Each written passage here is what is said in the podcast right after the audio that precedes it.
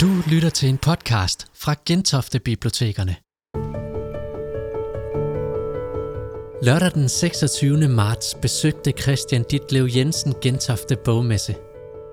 Her blev han interviewet af litteraturformidler Paul Caldara Eskekilde om sin nye bog Bar. God fornøjelse. Velkommen, Christian Ditlev Jensen. Tak. Øh, og tillykke.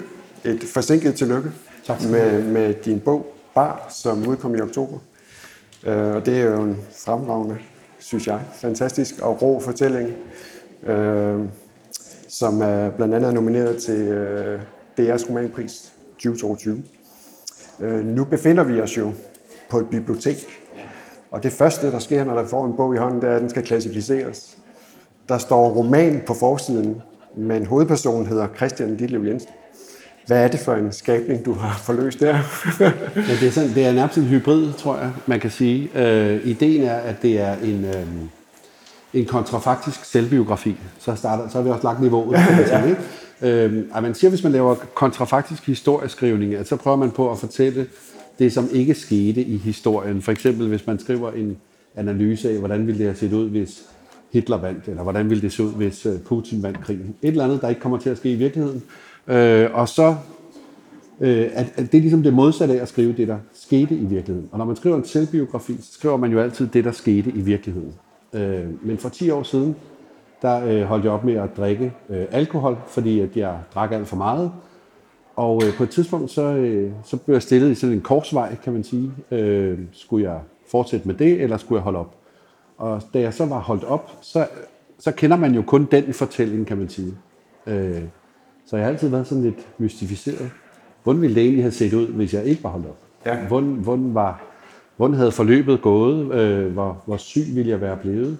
Hvor psykisk syg ville jeg være blevet? Hvor moralsk fordærvet ville jeg være blevet? Ville jeg være blevet ond? Øh, ville jeg være blevet grim? Ville jeg være blevet arbejdsløs? Ville jeg være blevet fattig?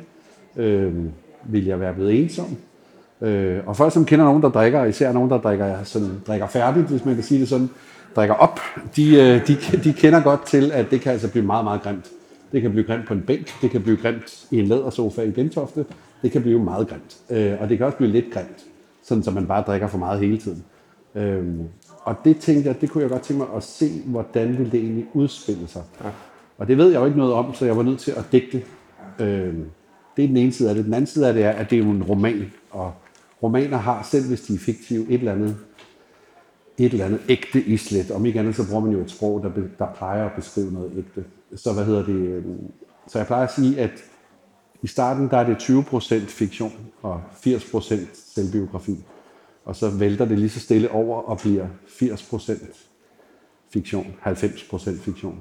Måske faktisk 100% fiktion.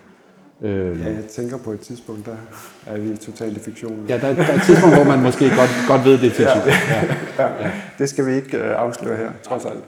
Uh, men uh, det, er, det er jo en bog, som du siger, som handler om et, uh, et liv med alkohol som livsledsager, kan man sige. Uh, og du starter allerede i din barndom. Uh, hvad var det for et miljø, og hvad var det for et hjem, du voksede op i, i Holbæks 80'erne? Jamen, jeg voksede op i det, som Lisbeth Thorny kalder øh, under Danmark som er sådan en, som er sådan en øh, klasse, der ligger under arbejderklassen, kan man sige. Øh, den dysfunktionelle klasse.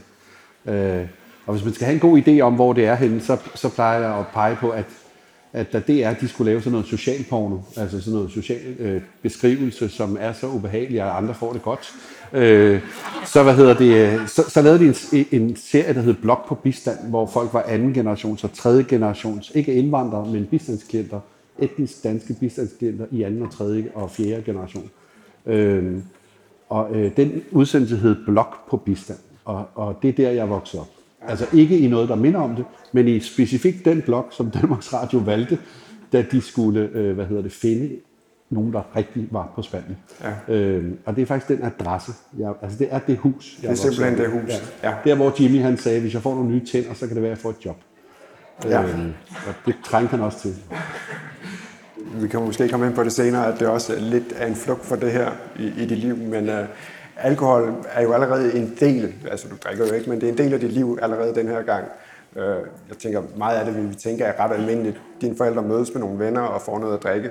Man kan sige, du ser også skyggesiden i forhold af mor, morbrorens Svend, øh, som han er vel dybt alkoholiseret. Eller? Ja, det bliver det i hvert fald, sådan hen ad vejen. Ja, øh, og der, der er jo sådan en, det er jo sådan nogle vilde episoder også, hvor nu er vi med Svend, som drikker meget, han er på antabus, men så, så tager han der med en dag med en, en telefonboks, Øh, bare fordi, vil du lige hurtigt fortælle, hvad der sker der? Jamen det var fordi, jeg ville, altså der er mange af de her ting, som er sådan meget velovervejet, de ting, som, som er i bogen. Og en af dem, det var, at jeg vil godt vise nogle bestemte elementer af alkoholisme. Og en af dem, det er for eksempel det her med, at man får nogle signaler fra sin krop om, at det her er fuldkommen galt. Og så bliver man ved alligevel. Og et af de bedste billeder på det, synes jeg, det er, hvis man drikker igennem en antabus. Ja. En antabus øh, er en, øh, det, var noget, det var et middel, som blev opfundet ved, ved en fejl nærmest. Det er sådan en bivirkning af noget fnatmedicin, man lavede en gang i 60'erne, tror jeg og hvor man opdagede, at, at når de studerende og professorerne spiste frokost bagefter i kantinen, så fik professorerne det dårligt, og de studerende fik det ikke dårligt. Og det var fordi, de studerende måtte ikke drikke øl til frokosten. Ah. Og så opdagede man den bivirkning, og så har man så forfinet det her øh, farmaceutiske produkt og lavet øh, Antabus, ja. som, som giver en, øh, det er meget dårligt, hvis man får alkohol, mens man har taget det. Øhm, og det har den øh, konsekvens, man drikker igennem det, at man faktisk sætter sit liv på spil. Man risikerer at få et øh, hjerteanfald. Det er sådan noget med, at man bliver lilla i hovedet, og man ryster over det hele og så videre. Og øh, jeg tror, det var Per, øh, hvad det, han hedder, Per Olof Enqvist, som engang beskrev, at man kan faktisk godt sådan systematisk langsomt drikke sig igennem i løbet af en dag. Ja. Så kommer man ud på den anden side og kan gå i byen. Øh, men, men, men øh, det jeg så, det var en, der bare lige tømte øh, 3-4 guldøl, og så tog den der tur, og så var vi igennem. Øh, det er sådan den hårdkogte model. Og, og det er, i, men i virkeligheden er han en interessant karakter, for det var faktisk, fordi jeg gerne ville vise en sød alkoholiker. Ja. Øhm, der er nogen, der nogle gange tror, at alkoholisme altid er forbundet med moralsk fordærv. Men der findes jo faktisk også øh, mennesker, som er helt vildt søde og rare. De er bare helt tiden fulde. Ja. Øh, og det er meget besværligt. Men, men de er sådan set ikke moralsk anløbende på den måde. Nej, det kan man sige, men det, det er også en vild ting at tage en dreng ind i en telefonboks, når den her reaktion eventuelt kan ske, at han, han kunne jo være død derinde. Ja, det, men det er måske lige så meget forældrenes ansvar, kan man sige. ja, det kan man sige. Øh, godt, hvis vi lige skal hoppe videre, så kan man sige, det er i 13-14 års alderen, at du selv begynder at drikke. Det er jo bare i, øh, jeg tænker i weekenden til, til nogle fester, som mange af jer sikkert har prøvet. Jeg kommer fra Odense, og det billede, du viser her, det, det kan jeg sgu godt genkende øh, et par, par øl i weekenden, og, og det fortsætter op igennem folkeskolen og, og gymnasiet. Øh, der er vel ikke noget, øh, der stikker ud her, tænker jeg. Er det, nu tænker jeg på, på, hvor meget du drikker. Er det ikke sådan, hvad din omgangskreds også? Jo, jeg tror, det er meget normalt. Altså det, det jeg også prøver at vise, det er, at øh, for det første er det noget kulturelt, at vi måske starter ret tidligt i Danmark ja. med selv at gå ud og købe nogle øl og så videre og drikke tre i weekenden eller et eller andet når man er 14. Ikke? Øh, det er sådan lidt tidligt at gå i gang. Og vi har jo også lavet nye regler siden da, hvor man ikke bare kan, kan købe øh, alkohol, som man vil. Og lige om lidt kan man ikke købe cigaretter og cigarer. Øh, og måske lidt senere alkohol. Hvem ved, måske bliver det forbudt at købe alkohol for dem, der er født efter et eller andet årstal. Det, det vil være kontroversielt, men hvad ved men det, hvem ved, øh, det tror jeg nu heller ikke på. Men det er en meget sjov tanke, at man laver de her forbud. Ja. Øhm, men det, jeg ville prøve på at vise, sådan lidt senere i bogen, der hvor det bliver universitetet osv., det er det der med, at det langsomt bliver sådan noget med, at man er den person, der drikker mest. Man er den person, som, som eksperimenterer mest, som kommer senest hjem, som bliver mere og mere ligeglad med at danse og kysse på pigerne, og mere og mere interesseret i bare at sidde og diskutere litteraturvidenskab, ja. øh, og synes, det lyder klogt, selvom man har drukket alt for meget til, det gør det. Øhm, så det er ligesom ideen. Ja, ja og, det, og det bliver jo også vildt nogle gange, hvor du skal følges hjem, og der er nogle kærester, der kommer ind og ud af dit liv. Og, ja, hovedpersonen skal i hvert fald. Ja, hovedpersonen skal. Og, og det er jo det, at øh, vi, vi ikke helt ved, hvor vi befinder os nogle ja. gange. Ja, det er også lidt sjovt. Altså, der, der er no, nogle gange så får man det blandet sammen på en sjov måde. Der var nogle, øh, der var en journalist, der skulle interviewe mig, øh, og så skrev han i, sådan en, i starten af sit interview, en eller anden forfærdelig beskrivelse af et eller andet, jeg havde oplevet. Men det var altså taget fra den forkerte, fra den forkerte del, kan man sige. Ja. Øh. ja, fordi da jeg læste den første gang, der tænkte jeg, at øh, op til, det kommer vi til, hvor du snakker med terapeuten, at det, det faktisk var det rigtige, og så derfra der kørte Men det er jo den her blanding hele tiden ind og ud. Øh, men øh, nu, nu er vi sådan lidt inde på den her alkoholkultur, og man kan sige meget, øh, men, men vi drikker sgu meget i Danmark. Altså, jeg, jeg læste et sted, hvor, hvor du er inde på, hvordan det er i udlandet for eksempel, at vi ikke drikker, der drikker man ikke så meget, når man er ung. Hvordan tænker du, at vores alkoholkultur er her i Danmark? Jeg tror- med det unge? Det mest mærkelige i Danmark, det tror jeg er, at næsten alle drikker i Danmark. Altså, og at næsten alle drikker, ikke hele tiden, men jævnligt. Ja. Øhm, I andre lande er der meget store befolkningsgrupper, som aldrig nogensinde drikker. Jeg opdagede det ved sådan et sjovt tilfælde, fordi jeg var i øh, Italien, og så fandt jeg sådan en lille, en lille sjus, man kan få, man kan drikke, man kan hælde den på isterning, og så sidder man, som om man drak en sjus, og det er, det er en lille alkoholfri øh, drink, man kan købe. Og den er opfundet til øh, unge mennesker, som kører på scooter. Øh, så var der nogen, der tænkte, hvis de unge mennesker begynder at køre på scooter, øh, så skal vi opfinde en drink, de kan drikke, så de ser smarte ud, og det smager okay, men de bliver ikke fulde, og så kan man køre kæresten hjem, uden at alle dør i et eller andet øh, hårdnålsving. Øh, og så skrev jeg det på Facebook og lagde et billede op af den her drink, og sagde, var det smart, man har sådan en i Italien. Og så har jeg en ven, der bor i Milano, og hun skrev til mig, du skal prøve at smage nogle af alle de andre, der er den, og der er den, og der er den, og der er den. Og så sagde jeg, hvorfor er der så mange alkoholfri alternativer i Italien? Det kan jeg slet ikke finde ud af. Hvor, hvorfor er der det? Og så sagde hun, jamen det er jo fordi halvdelen af befolkningen aldrig drikker alkohol. Og så måtte jeg google og statistikker og alt muligt andet. Og i Italien drikker halvdelen af befolkningen aldrig nogensinde alkohol. Øhm, og når man så går ind og kigger på det, så er der meget store befolkningsgrupper i Tyskland, som ikke drikker alkohol. Og det er ikke muslimerne, og det er ikke jøder. Det er bare sådan generelt store befolkningsgrupper, der ikke drikker alkohol overhovedet. Så man kan sige, og det er det samme i Frankrig, og det er det samme i Portugal og i Spanien. Øh, så det, der er meget specielt her i Skandinavien, det er, at stort set alle øh, jævnligt drikker. Ja. Og det vil også sige, at når man er i sådan et øh, selskab, så vil det være sådan, at næsten alle øh, er med på, og at nu skal vi have noget at drikke. Man kan forestille sig, at man kommer ind til en konfirmation, og i hvert fald halvdelen af dem, der er med, siger, nej, vi drikker aldrig. Altså det, det, er, det er meget, der kan, man, der kan man mærke det. Juleaften er der nogen, der vil have en øh, belgisk julebryg. Øh, nej, vi drikker aldrig, siger halvdelen af de 18 mennesker, der sidder der. Ikke? Altså det er helt utænkeligt. Der sidder en, og det er en, som er syg, eller også er han alkoholiker. Ikke? Øhm, På Antabus. ja, eller så er på Antabus, og så drikker han ud på toilettet. Ja, og man kan sige, det er jo også voldsomt ekskluderende på en eller anden måde. Jeg kunne faktisk godt tænke mig, at øh, du læste noget op, Ja. skal vi prøve at se her. Fordi, og nu, øh, nu igen, jeg ved jo ikke, om vi er i fiktionen eller i virkeligheden, men øh, du holder op med at drikke øh, flere gange i løbet af bogen. Øh, og det her, det er så en af gangene, hvor et kapitel, der hedder Dansk Vand, øh, og hvis du bare, jeg har sådan indrammet det. Hvor, hvor meget skal jeg læse? Har, det her, jeg har indrammet her. Nå, jeg, har ikke, jeg er ikke forberedt. Nu skal I bare høre. Jamen, det er bare for at holde min bevidsthed klar, sagde jeg. De fire andre fyre, jeg sad sammen med i Sofiekælderen, glodede på mig. Det var ikke hverdagskost, at man gik på værtshus og bestilte sodavand. Man kunne sagtens drikke for eksempel en cola, men, men så var det derhjemme eller i en kantine. Der var noget decideret provokerende ved at bestille en dansk vand på et værtshus. Din bevidsthed, sagde Ulrik og kiggede skeptisk på mig.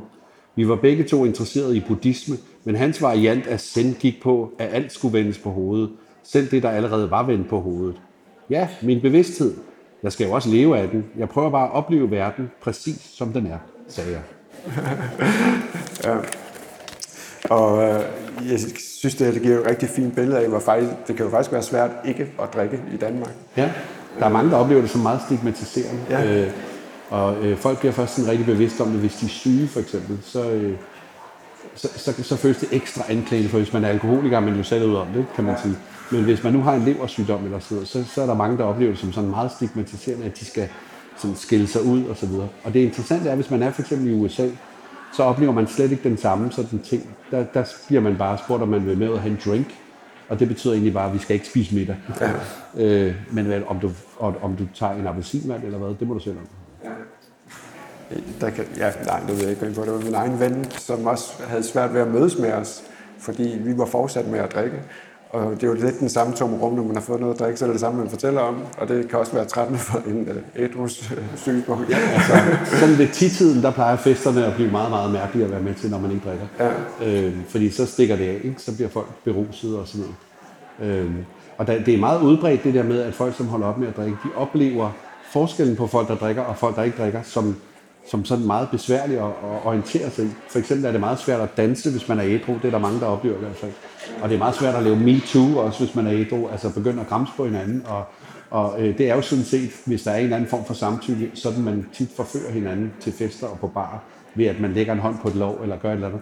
Og, øh, og medmindre man er socialdemokrat, så må man samtidig gerne, hvad hedder det, men, men, øh, men det er faktisk meget svært. Det er meget svært at begynde at sige uartige ting, eller være sådan lidt grænseoverskridende sprogligt. Og Don Juan er øh, grænseoverskridende. Ikke? Det er sådan, man forfører nogen, det er ved at sige, øh, her, hov, der kommer lige til at sige noget uartigt. Er du med på den, øh, på en eller anden måde? Og, øh, og det bliver sådan noget underligt stift noget, hvis nogen siger, skal vi gå ud og danse til, øh, til musikken, når vi er ædru.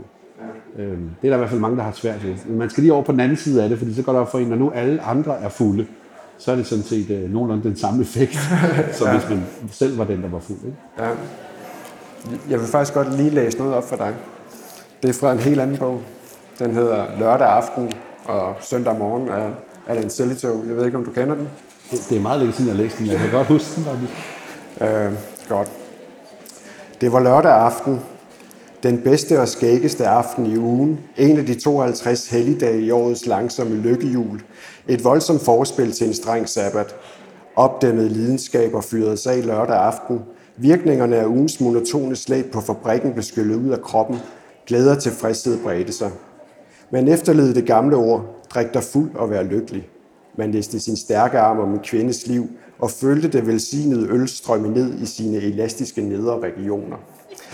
Øh, det er jo ikke, det er ikke for at provokere, og det tror jeg heller ikke, jeg gør. Øh, men, øh, og jeg fornemmer heller ikke, at øh, i bar, at der ligesom er en løftet pegefinger. Men øh, som du lidt er inde på lige før, så, så kan jo alkohol også noget. Altså, vi kan ligesom, øh, vi er sådan, altså nu kan jeg bare tale for mig selv, jeg tror ikke, jeg havde mødt min kæreste, hvis jeg ikke lige havde fået noget at drikke, øh, og man har nok aldrig set mig på et dansegulv, øh, så, så det kan jo også noget. Så Ja.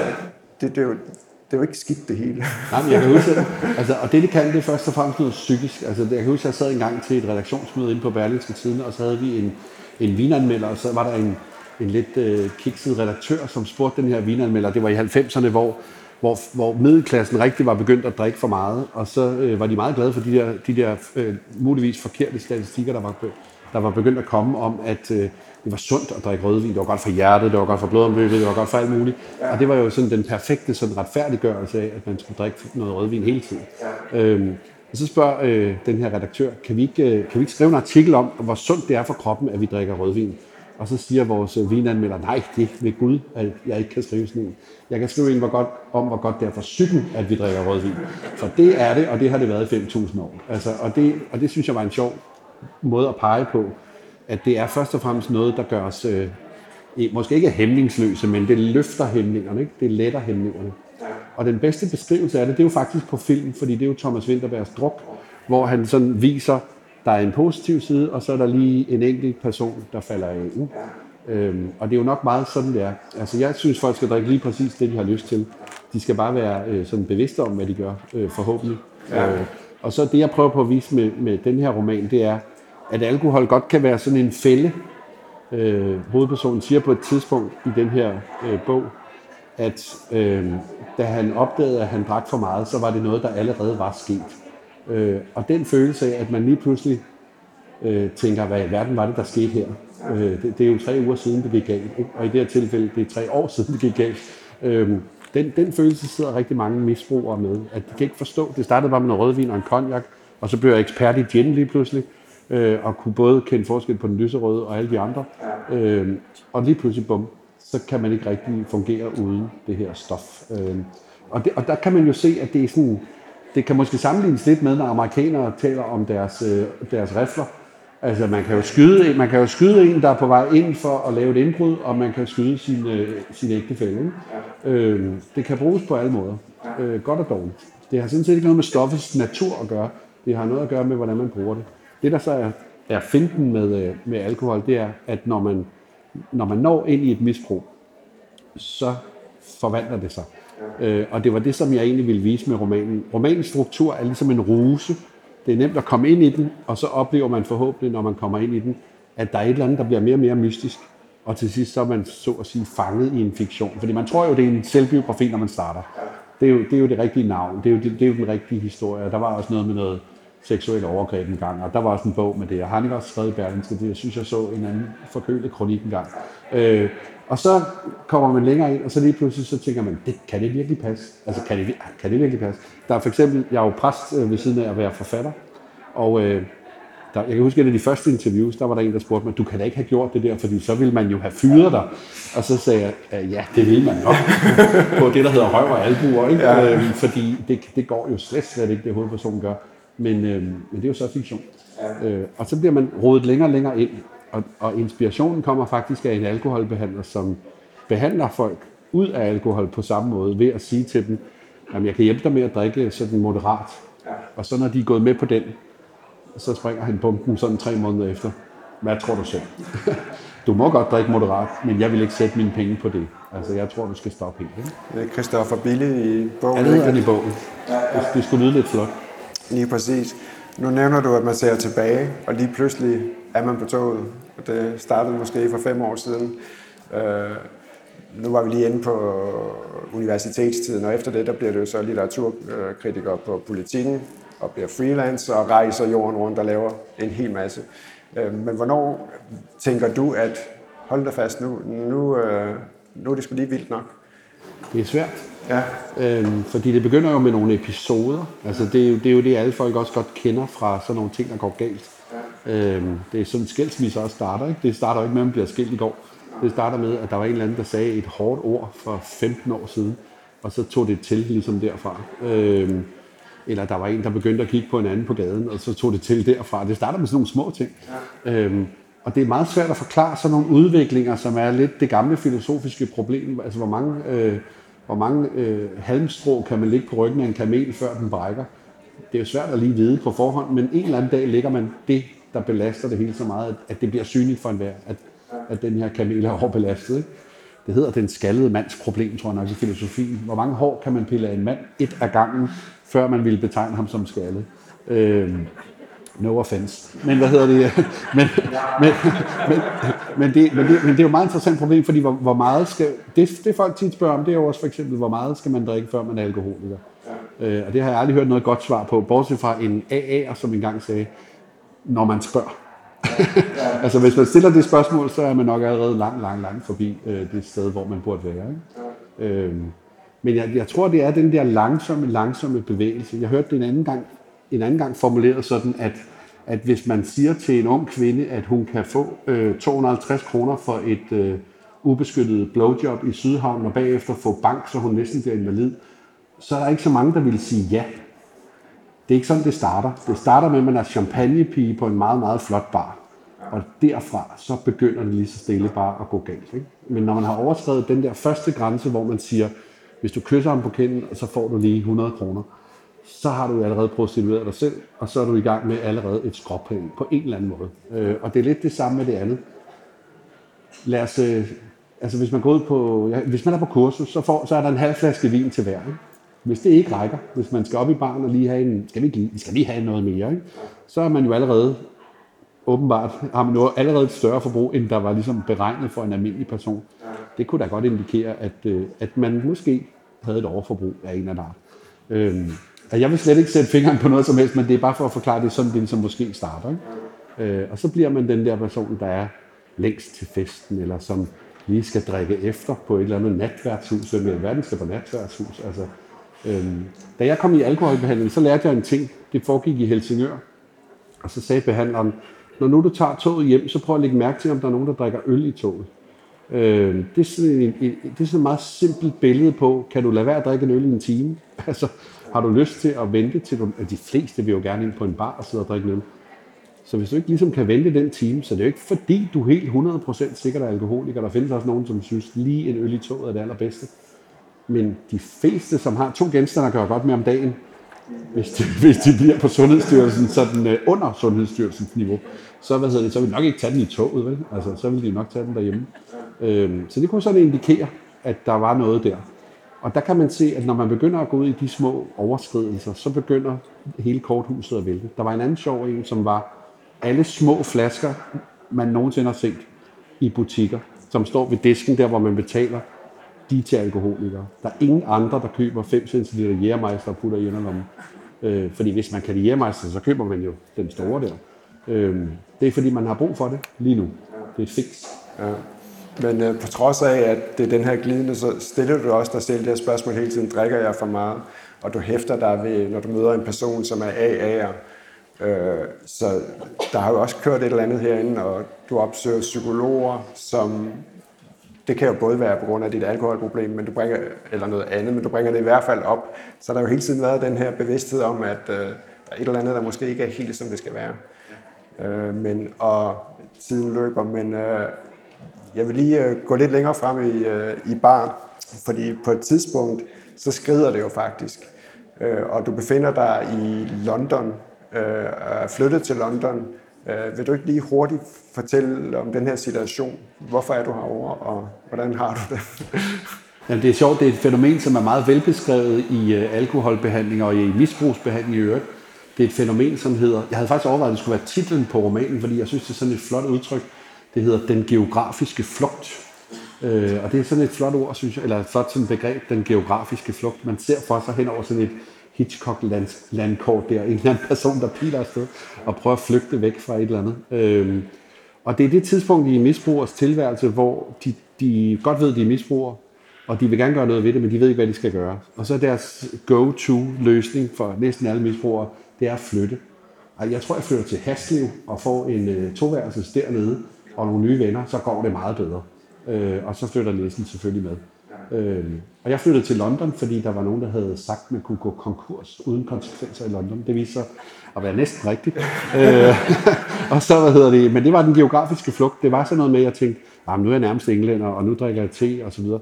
Og så, øh, og så kunne jeg ret godt lide gin, så det var et godt sted at være. Øh, og så troede jeg, det ville blive bedre, og det der sker, når man laver den geografiske flugt, det er, at man bliver isoleret, så man bliver uden ligesom tilskuere, og så går det stærkt lige pludselig. Så skruer det faktisk op for misbruget, fordi man tit bliver ensom og, og, og først og fremmest bare ikke afhængig af ekstern revision, som man også siger. Det er sådan set bare en selv, der skal vurdere, hvor meget man drikker, og så går man til den. Øhm, og det var faktisk, mens jeg boede derovre, at jeg øh, holdt op med at drikke. Så jeg oplevede sådan set både at drikke allermest, mens jeg boede i London, og så ikke at drikke noget, mens jeg boede i London. Det var meget sjovt. Ja, det er jo, og igen, nu ved jeg ikke, om det er rigtigt, men du nævner op på to flasker gin om dagen, plus det løse. Øh, det var voldsomt. Øh, og det er imens du er i London, at du så opsøger, eller kontakter den her terapeut, i, det var så Helsingør, øh, for at få gjort noget ved det her. Og vi kan lige nå, jeg vil godt lige bede dig bare lige, nu bliver det bare lige her så, at du lige læser op her på flappen. Ja, der er, sådan et, der er et sted i bogen, hvor det virkelig sådan for alvor deler. Øh, og der sidder hovedpersonen i noget terapi hos en alkoholbehandler, og så siger alkoholbehandleren, du skal virkelig forestille dig det her som en skillevej. Du står ved den nu, det er nu, du skal vælge, sagde terapeuten. En skillevej. Ja, du har to muligheder herfra. Den ene vej kan føre til et relativt normalt liv. Jeg tænker faktisk, at den kan føre til et godt liv. Og det andet liv, spurgte jeg, Ja, det andet liv er ikke noget liv. Du ødelægger dine relationer, dit kærlighedsliv, din økonomi. Din hverdag bliver et helvede af desperation og mangel og sygdom og lidelse. Det er et elendigt liv, sagde han. Hvad skal jeg gøre? Du skal forstå det her. Du skal vælge, og så skal du leve med konsekvenserne af dit valg. Det er jo sådan en måde at gøre det til en eksistentiel problemstilling på, kan man sige. Øh, og det er, det er også sådan, hvad skal man sige, en, øh, en borgerlig pointe, at man har jo også, selvom der er alle mulige årsager til alt muligt, så har man jo selv ansvaret.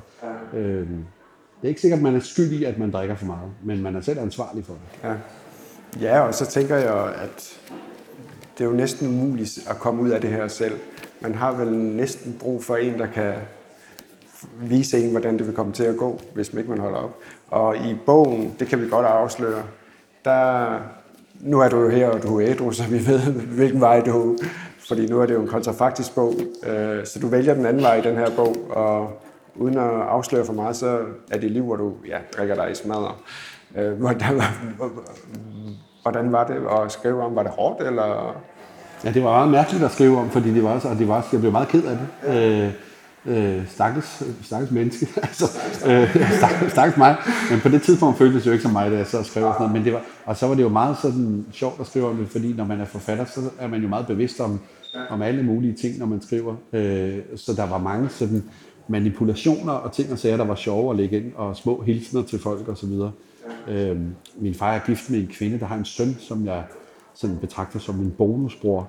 Øhm, og han besøgte jeg på et tidspunkt, da han havde et arbejde på et herberg, hvor, hvor der så kom de her forhudlede mænd hen og, og hvad hedder det, skulle have en ananas på et, en ananas sodavand på et klippekort, de havde købt. De havde fået tildelt 10 sodavand, og så kunne de få et klip, og så kunne de få en harbo fra køleskabet. Ikke? Det var så, så, så sørgeligt, som det næsten kunne blive.